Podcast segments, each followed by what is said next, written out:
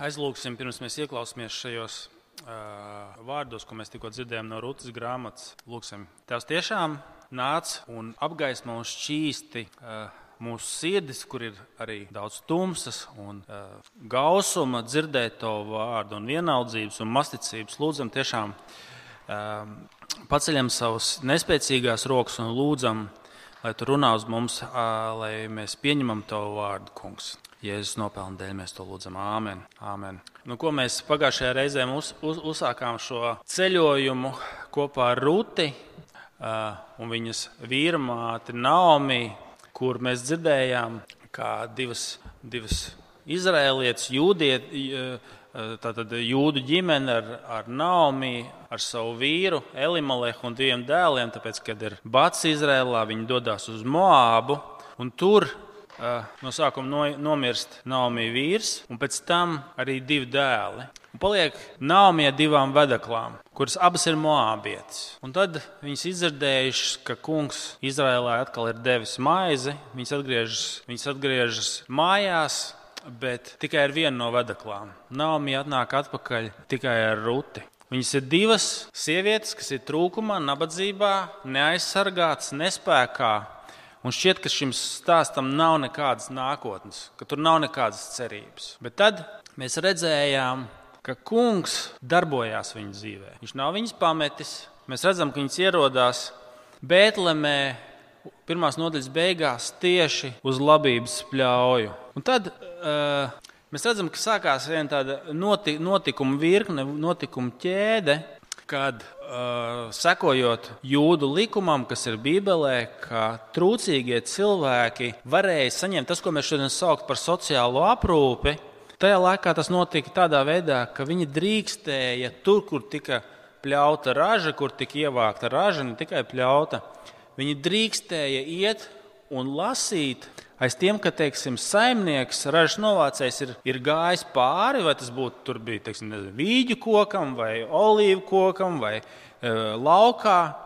Tad, tā, kad viņš ir vienreiz nogājis pāri, viņš nedrīkstēja iet otrais vairs pāri. Es nezinu, ja jūs kādreiz esat lasījuši Jāņodziņas vai kaut ko vienalga, ja tur ķiršus, tu nolasi kaut kādu segmentu, un tad kā pasties, ah, un vēl ir palicis. Un tad tu vēlreiz to nolasi, ja? to, kas ir palicis.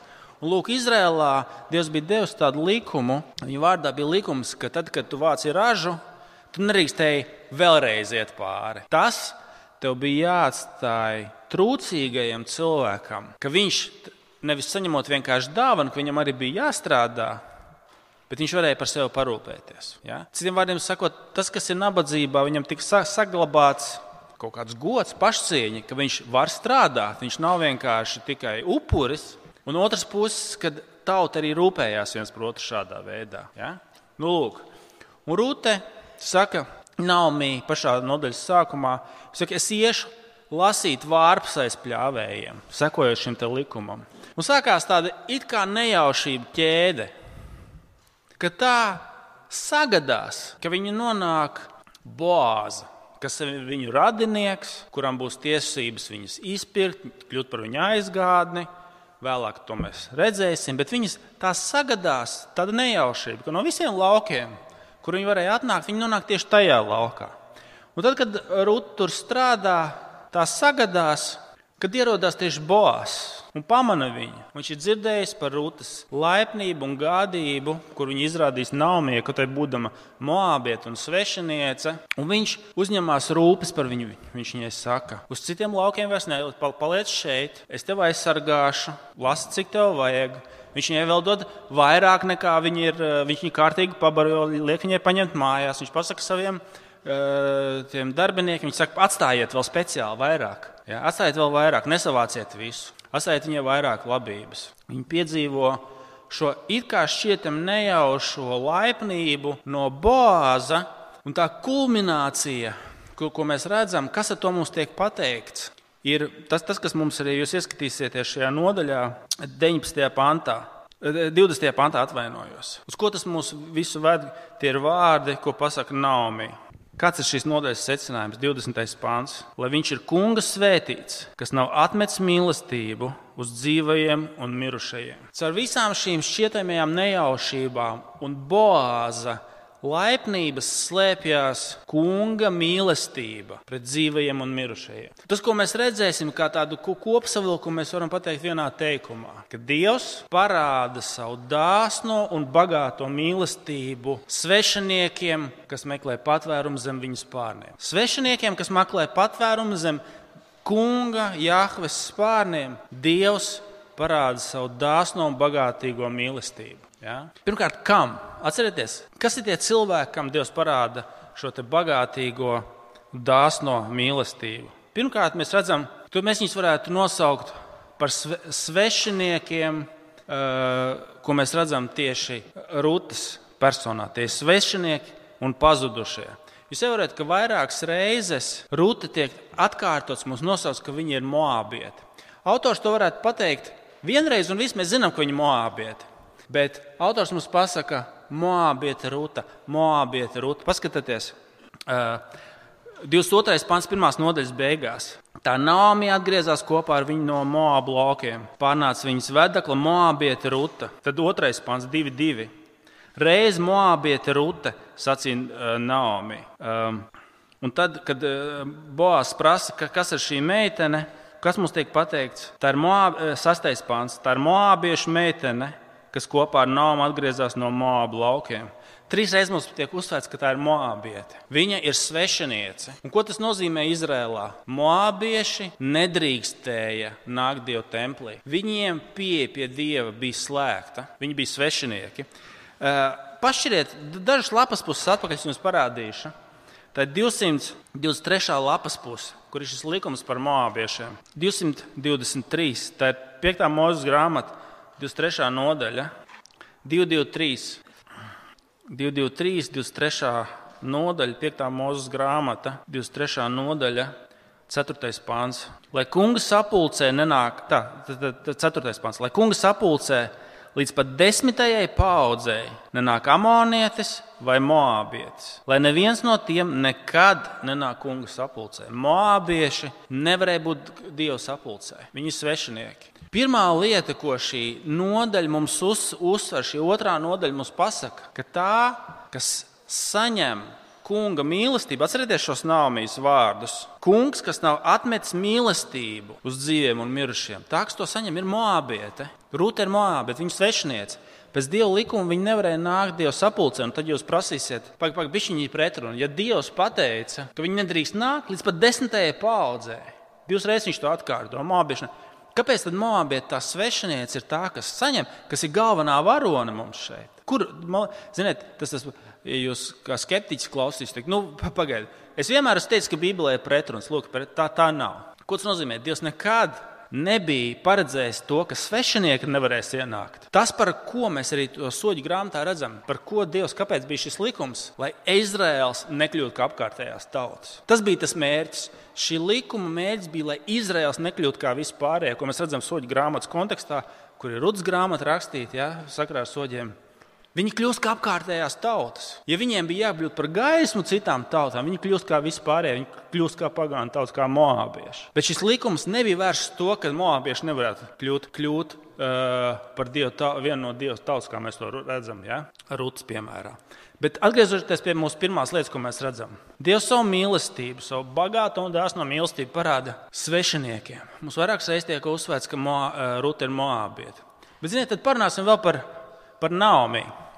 Atcerieties, ko mēs redzējām pagājušajā reizē. Ja Naomi saka, ka Dievs savu mīlestību nav atstājis pret dzīviem un mirušajiem, viņa būtībā pagājušās nodaļas beigās un šīs nodaļas sākumā viņa ir pasīva. Garīgi viņas ticība, var teikt, karājas mata galā. Viņa ir viens no mirušajiem.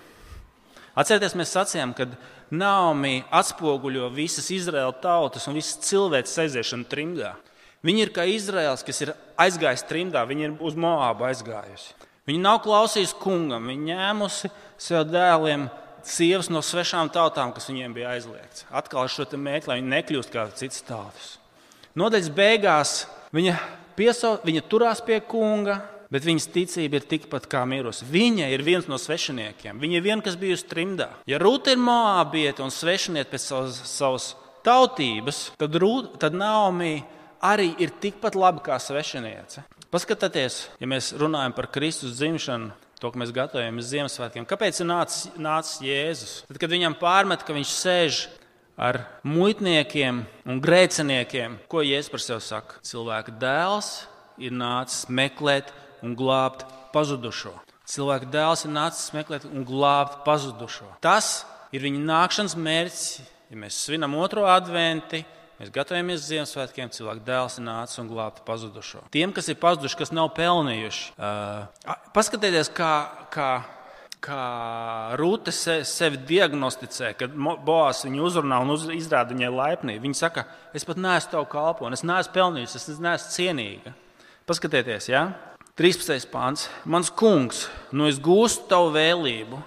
Jo tu man mierināji un savus kalpones sirdi uzrunāji, bet es taču neesmu pat tava kalpone. Vai tas mums neatgādina tos stāstus evanģēlijā, kur Kristus uzslavē un uzteic svešinieku un nepelnījušo, nepelnījušo ticību, kur Jēzus stāsta līdzību par muitnieku un farizēju, kas iegāja Dievu lūgt. Viņš saka, attaisnos tikai tas muitnieks, kas teica, Dievs, es neesmu neesmu cienīgs, ka tu man piedod. Kurš pat baidījās pacelt acis uz debesīm, kas teica, esi man grēciniekam žēlīgs. Un, ja saka, viņš aizgāja mājās attaisnots. Tas, kas sevi pazeminās, ja jūs saka, tas tiks paaugstināts. Vai ne? Pareizi. Viss evaņģēlijs tāds, ka Kristus nākšanas iemesls ir nākt un glābt pazudušo. Kāda ir rute un kāda ir naunija un kāda, kādi esam tu un es?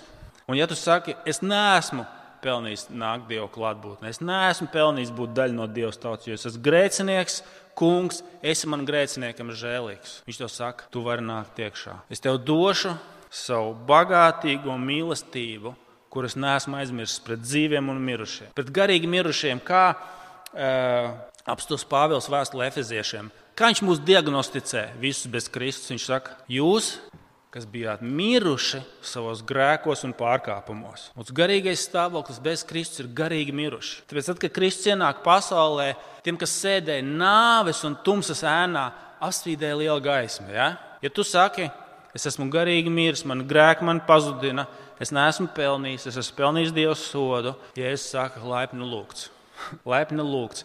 Dievs savu mīlestību izrāda svešiniekiem, grēciniekiem un garīgi mirušiem, tiem, kas ir garīgā trimdā un kas saka, es neesmu pelnījis, kungs, izrāda man savu žēlastību. Kungs, esi man grēciniekam žēlīgs. Ja tu saki šos vārdus, ja es saku, laipni lūgts. Dievs savu dāsno mīlestību un žēlastību izrāda tieši svešiniekiem un pazudušajiem. Ja? Tā ir pirmā lieta, ko mēs redzam.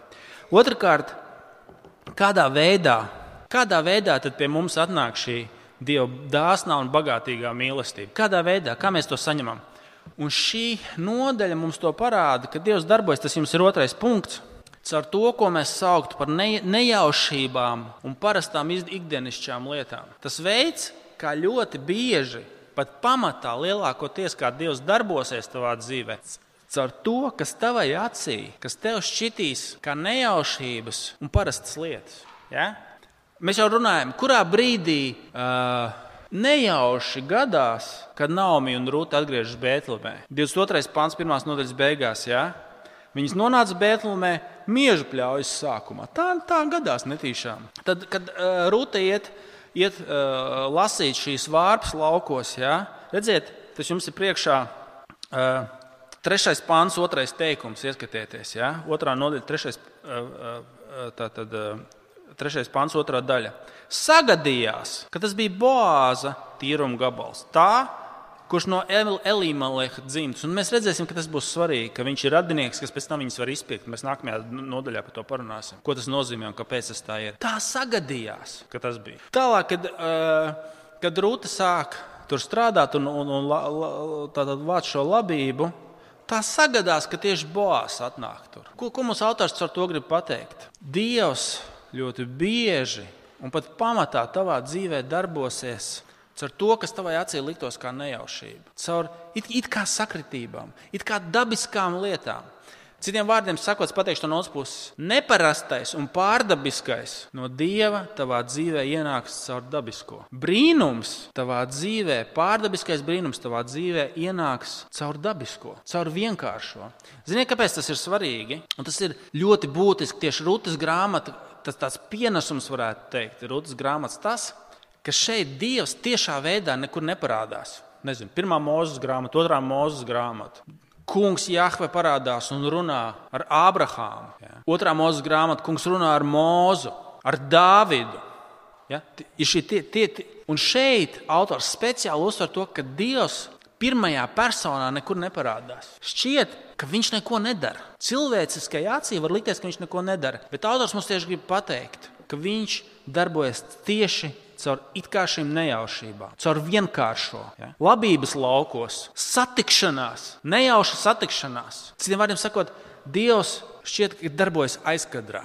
Kā, kā tam mums tiek at, ap, aprakstīta, piemēram, Jēzus piedzimšana evaņģēlijos? Lūka ļoti to uzsver. Kad piedzimst Jēzus? Kad ķēzars augusts valda, kurš izsludina tautas skaitīšanu, kurš it kā darbojas savos mērķos un uzdevumos, bet Dievs īstenībā to vērš tā, ka Dievs saka, man vajag, lai Jāzeps un Marija nonāktu Bēltlemē lai viņi atgrieztos savā dzimtajā vietā. Kad Kirēnijas valdīs Sīrijā, kad Herods un visas tās lietas, ko viņi dara, Viņi dara un tādā veidā piepilda Dieva pravietojumus Mateja evaņģēlijā. Herods tur sāk plosīties un rakstīt, bet tas notika, lai piepildītos Dieva pravietojumus. Tie cilvēki, valdnieki, pasaulīgie valdnieki, darbojamies pat pret kungu, viņi domā, ka viņi dara savus nodomus un plānus, bet viņi visi piepilda Dieva plānu, it kā caur vienkāršām un dabiskām lietām, un pat nejaušībām. Tas ir svarīgi tev, brāl un māsa, kristiet, dzirdēt, tāpēc, ka tev arī tavā dzīvē, kā arī Naumijai, atcerieties, likās, ka Dievs viņu ir pametis, Dievs ir pret viņu, viņa, vi, viņš ir viņu sma, sma, smagi, smagi nosodījis, ja, un tā tālāk, un tā tālāk. Viņai liekas, ka Dievs neko vairs nedara.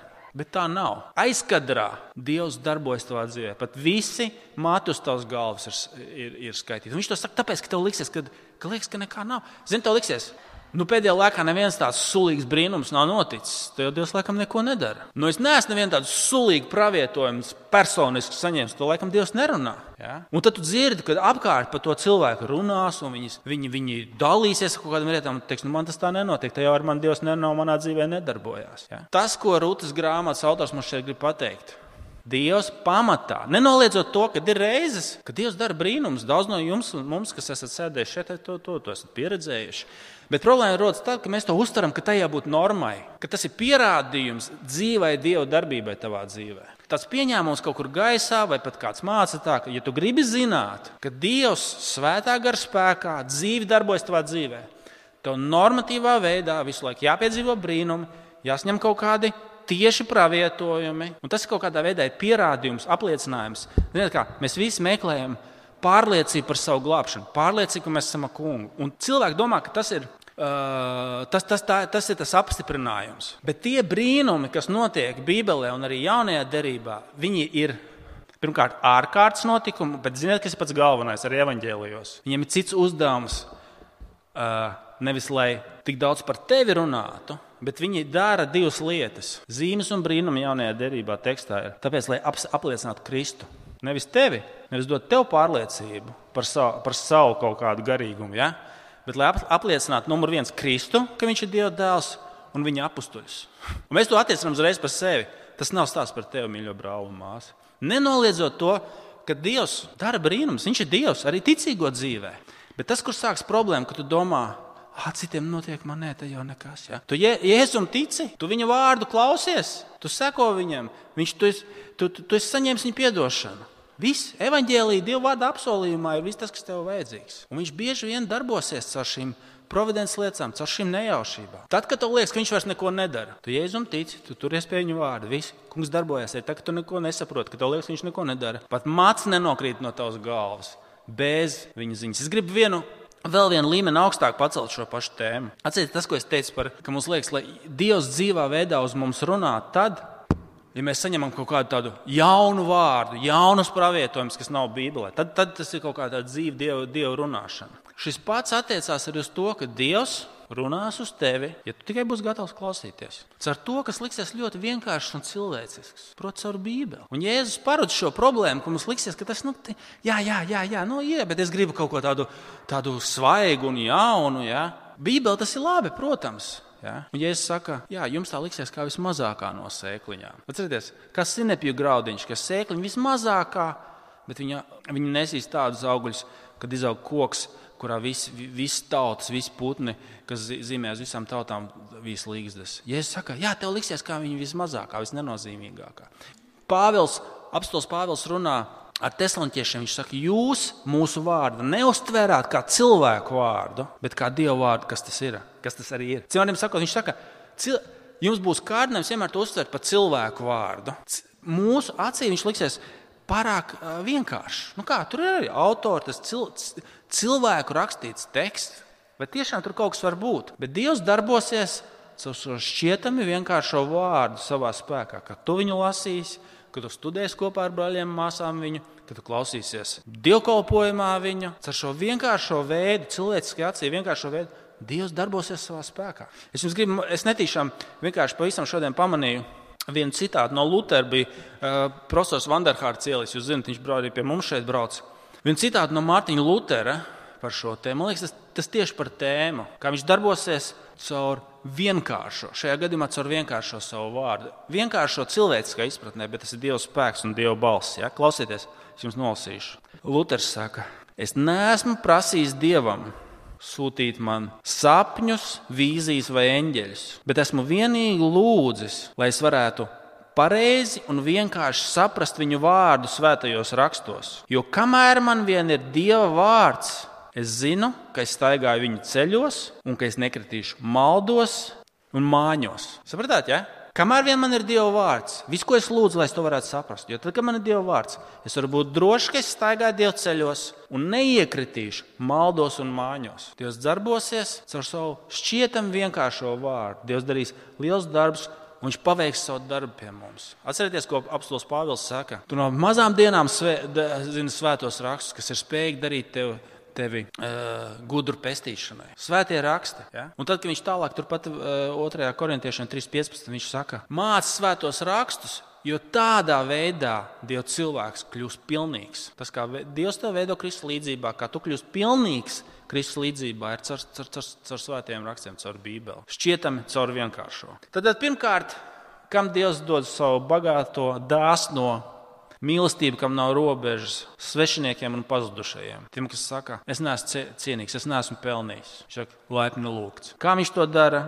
Caur nejaušībām un šķietam ikdienišķām lietām, caur vienkāršo. Un trešais, kāda, kāda tad ir uh, kunga šī mīlestība? Kāda, kāda tā ir?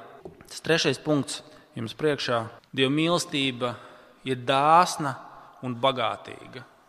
Apstieties, kad Rute uh, tiek ieaicināta, Boāza ieaicināta paēst. Apstieties, kā, kā viņš viņu, kā, kā viņš, uh, kā viņš attiecās pret Ruti. 14. pāns. Ap pusdienu Boāzs viņai sacīja: Nāc šurp, ēd no šīs maizes un mērķi savu kumosu skābumā. Viņa apsēdās līdzās pļāvējiem, un viņš sniedz tai grauzdumus. Viņa ēda un bija paēd, pēdus un vēl atlicināja. Kad viņi cēlās lasīt, Boāzs pavēlēja saviem puišiem, lai viņi lasa arī starp statiem. Nepazemojiet viņu. Pat vēl izvelciet priekš viņus no kūlīšiem un astājiet, lai viņi salasa un nerājiet viņu. Kāda ir Boāza mīlestība un dāsnums pret ruti? Ne skopa, ja? ne pa drusciņai, ne pa pilieniņam, ne pa graudiņam, bet dāsna un bagātīga. Atkal, ievērojiet, kā Rutes un Nāmijas dzīvē ienāk die, dieva mīlestība. Atcerieties, Nāmija saka, kungs nav pārtraucis parādīt savu mīlestību dzīviem un mirušiem. Bet kādā veidā tas ienāca? Caur bāzi, caur cilvēku. Caur bāzi mīlestību un laipnību ienāk dieva laipnība. Starp citu, tieši tāpatās arī kā tavā dzīvē viņa ienāca. Kā tavā dzīvē ienāca dieva laipnība? Caur kādu, kas ar tevi parunāja, caur cilvēku, kas tev izrādīja dievu laipnību, liecinot par kungu, liecinot par viņu vārdu. Ja? Caur vienkāršo, bet šajā boāzā dāsnumā un laipnībā, ka viņš bagātīgi dod rutei, ienāca dieva mīlestība. Bet tieši tāpat arī Dievs savu mīlestību parāda svešiniekiem un pazudušajiem, un viņš to dara bagātīgi, augaļām. Atcerieties, apstults Pāvils vēstulē romiešiem 5. nodaļā viņš saka, Dieva mīlestība ir pārpludinājusi mūsu sirdi. Cerība mūs nepamet kānā, jo mūsu sirds ir piepludināta ar Dieva mīlestību. Kā Dievs dod augaļām bagātīgi. Es nezinu, vai jūs sadzirdējāt šo atskaņu, kad viņi saka, Rūte, tas ir tas, tā, tā, 14. pantā. Viņi ēda un bija pēdus un vēl atlicināja. Es nezinu, vai jūs sadzirdējāt atskaņu no tā, kad Jēzus pabaro 5000 Jāņa evanģēlijā vai citu, citur evanģēlijos. Viņš no piecām maizēm, lauž, dalās, pēd šie tūkstoši cilvēku un pāri paliek. Kad Jēzus pavairo, nevis pavairo, bet ūdeni pār, pārtaisa par vīnu kāzās, tiek teikts, tu uz beigām esi atstājis vislabāko. Tā ir atsauce uz iesaistīšanās grāmatu, ka kungs sataisīs mīlestību visām tautām ar lielu daudzumu labu ēdienu un, un, un vislabākā noturētā vīna. Ko Jēzus saka? Dodiet, un jums tas dots. Dodiet, un jums klēpī ne pa kripatiņai, ne pa graudiņam. Nē, jums klēpī tiks iebērts bagātīgs mērs, pāri plūstošs. Dieva žēlastība ir nevis pa graudiņam, pa kripatiņai. Kā tev šķiet, kā Dievs tev grib dot? Nesīksti, neskopi. 23. psalmā Dārvids saka, mans kaus plūst pāri pa malām. Tas nav sīksti un skopi. Un, protams, ka mēs runājam par šo maizi. Protams, mēs pieņemam, ka Dievs rūpēs par mūsu ikdienas vajadzībām, mēs lūdzam par savu dienascho maizi, bet pāri par visu galvenais - maize vecajā derībā nozīmē uz Dieva garīgajām svētībām, uz mūžīgo dzīvību. Visas šīs instances, visi šie notikumi vecajā derībā, vai tas būtu, kad, kad Jāzeps, atcerieties, viņš kļūst par Eģiptes premjerministru un ar, ar, ar ko? Ar maizi izglābt daudzas tautas. Tas, tas ir tāds piepildījums tam, kas Abrahamam tika solīts, ka tevī tiks svētīts visas tautas. Caur, caur Jāzepu tas pirmkārt piepildās. Ko Izraels ēd tūkstnesī, kā viņi tiek pabaroti ar maizi no debesīm. Šie trūcis grāmatā viņi tiek pabaroti ar maizi. Un Jēzus atcerieties, ka viņš saka, netīkojiet pēc tās maizes, kas šeit tagad jūs pabaros un viņi beigsies. Jūs atkal būsiet izsalkuši. Jūs tēvu tūkstnesī ēda un viņi nomira. Šak tīkojiet pēc tās maizes, un viss šīs maizes arī Rudas grāmatā. Galvenais norāda uz maizi, kas dod mūžīgo dzīvību. Tas ir, protams, Kristus pats. Tas, viņa, tas ir viņa upuris, viņa izlietās asins un viņa miesa, kuram ticot, ticot viņa upurim, tā ir maize, kas mums dod mūžīgo dzīvību. Un viņš to dod mums bagātīgi. Viņš dod nevis skopi un sīksti, ne pa kripatiņai. Viņš to dod bagātīgi. Visas viņa svētības ar, ir, ko viņš mums ir nopelnījis ar savu nāvu un augšām celšanos. Tas ir pārplūstoši, kad ēd un pāri paliek. Ja tu jūties un apzinājies, ka tu esi garīgi nabaks un izsalcis pēc dieva taisnības, kā Jēzus saka, svētīt garā nabagie, svētīt tie, kas ir izslāpuši un izsalkuši pēc taisnības. Tie tiks, ko viņš saka, tie tiks pārpārējiem bagātīgi pabaroti. Ja tu esi svešinieks un zini, ka tev grēki tev pazudina, Tu saki, kungs, esi man grēciniekam žēlīgs. Viņš saka, nāc, nāc, es laipni lūgšu, un es tev pamielošu ar savu dāsno un bagāto žēlastību un mīlestību. Un kā tu to saņem? Caur vienkāršo. Caur pavisam vienkāršo, caur viņu vārdu, caur viņu apsolījumu. Ticot viņa vārdam, neko, neko vairāk. Viņš nav jāuzkāp debesīs vai jānokāpj ellē. Mēs pieņemam viņu vārdu ar viņa apsolījumu. Viņš to mums sniedz vienkārši ticot viņam. Nu, ko? Mēs pēc kāda brīža iesim pie kunga galda pie viņa mīlestības, eh, kas mums norāda uz šo garīgo maizi, ko mēs ēdam, lai, lai saņemtu glābšanu. Viņš mums to dod bagātīgi un pārpilnīgi. Viņš dod mums to bagātīgi, pārpilnīgi un nepārmestams. Viņš to dod svešiniekiem, kas to nav pelnījuši. Zin, tas, tas, tas ir svarīgi tajā brīdī, kad mums liekas, ko, ko, ko man darīt, lai es būtu pelnījis to, lai es būtu cienīgs to saņemt. Tas neesmu bijis. Viņš saka, viss, kas ir vajadzīgs, pieņem apsolījumu. Tic tam, es to pieņemu savā, savā ģimenē kur tev savādāk nebūtu vietas. Bet Kristu, kurš sapelnījis visas bagātās svētības, viņa dāsnuma dēļ, tu vari ienākt un saņemt. Saņemt Dieva uh, bagātīgo mīlestību, kur Viņš nedod pakrīpatiņai, nedod skopi, bet pārpilnīgi augaļām. Nu, ko, uh, mēs nāksim Dievu, Dievu priekšā grēksūdzes lūgšanu, pārliecībā, ka Dievs, Dievs pieņem, pieņem un piedod svešiniekiem un tiem, kas ir pazuduši.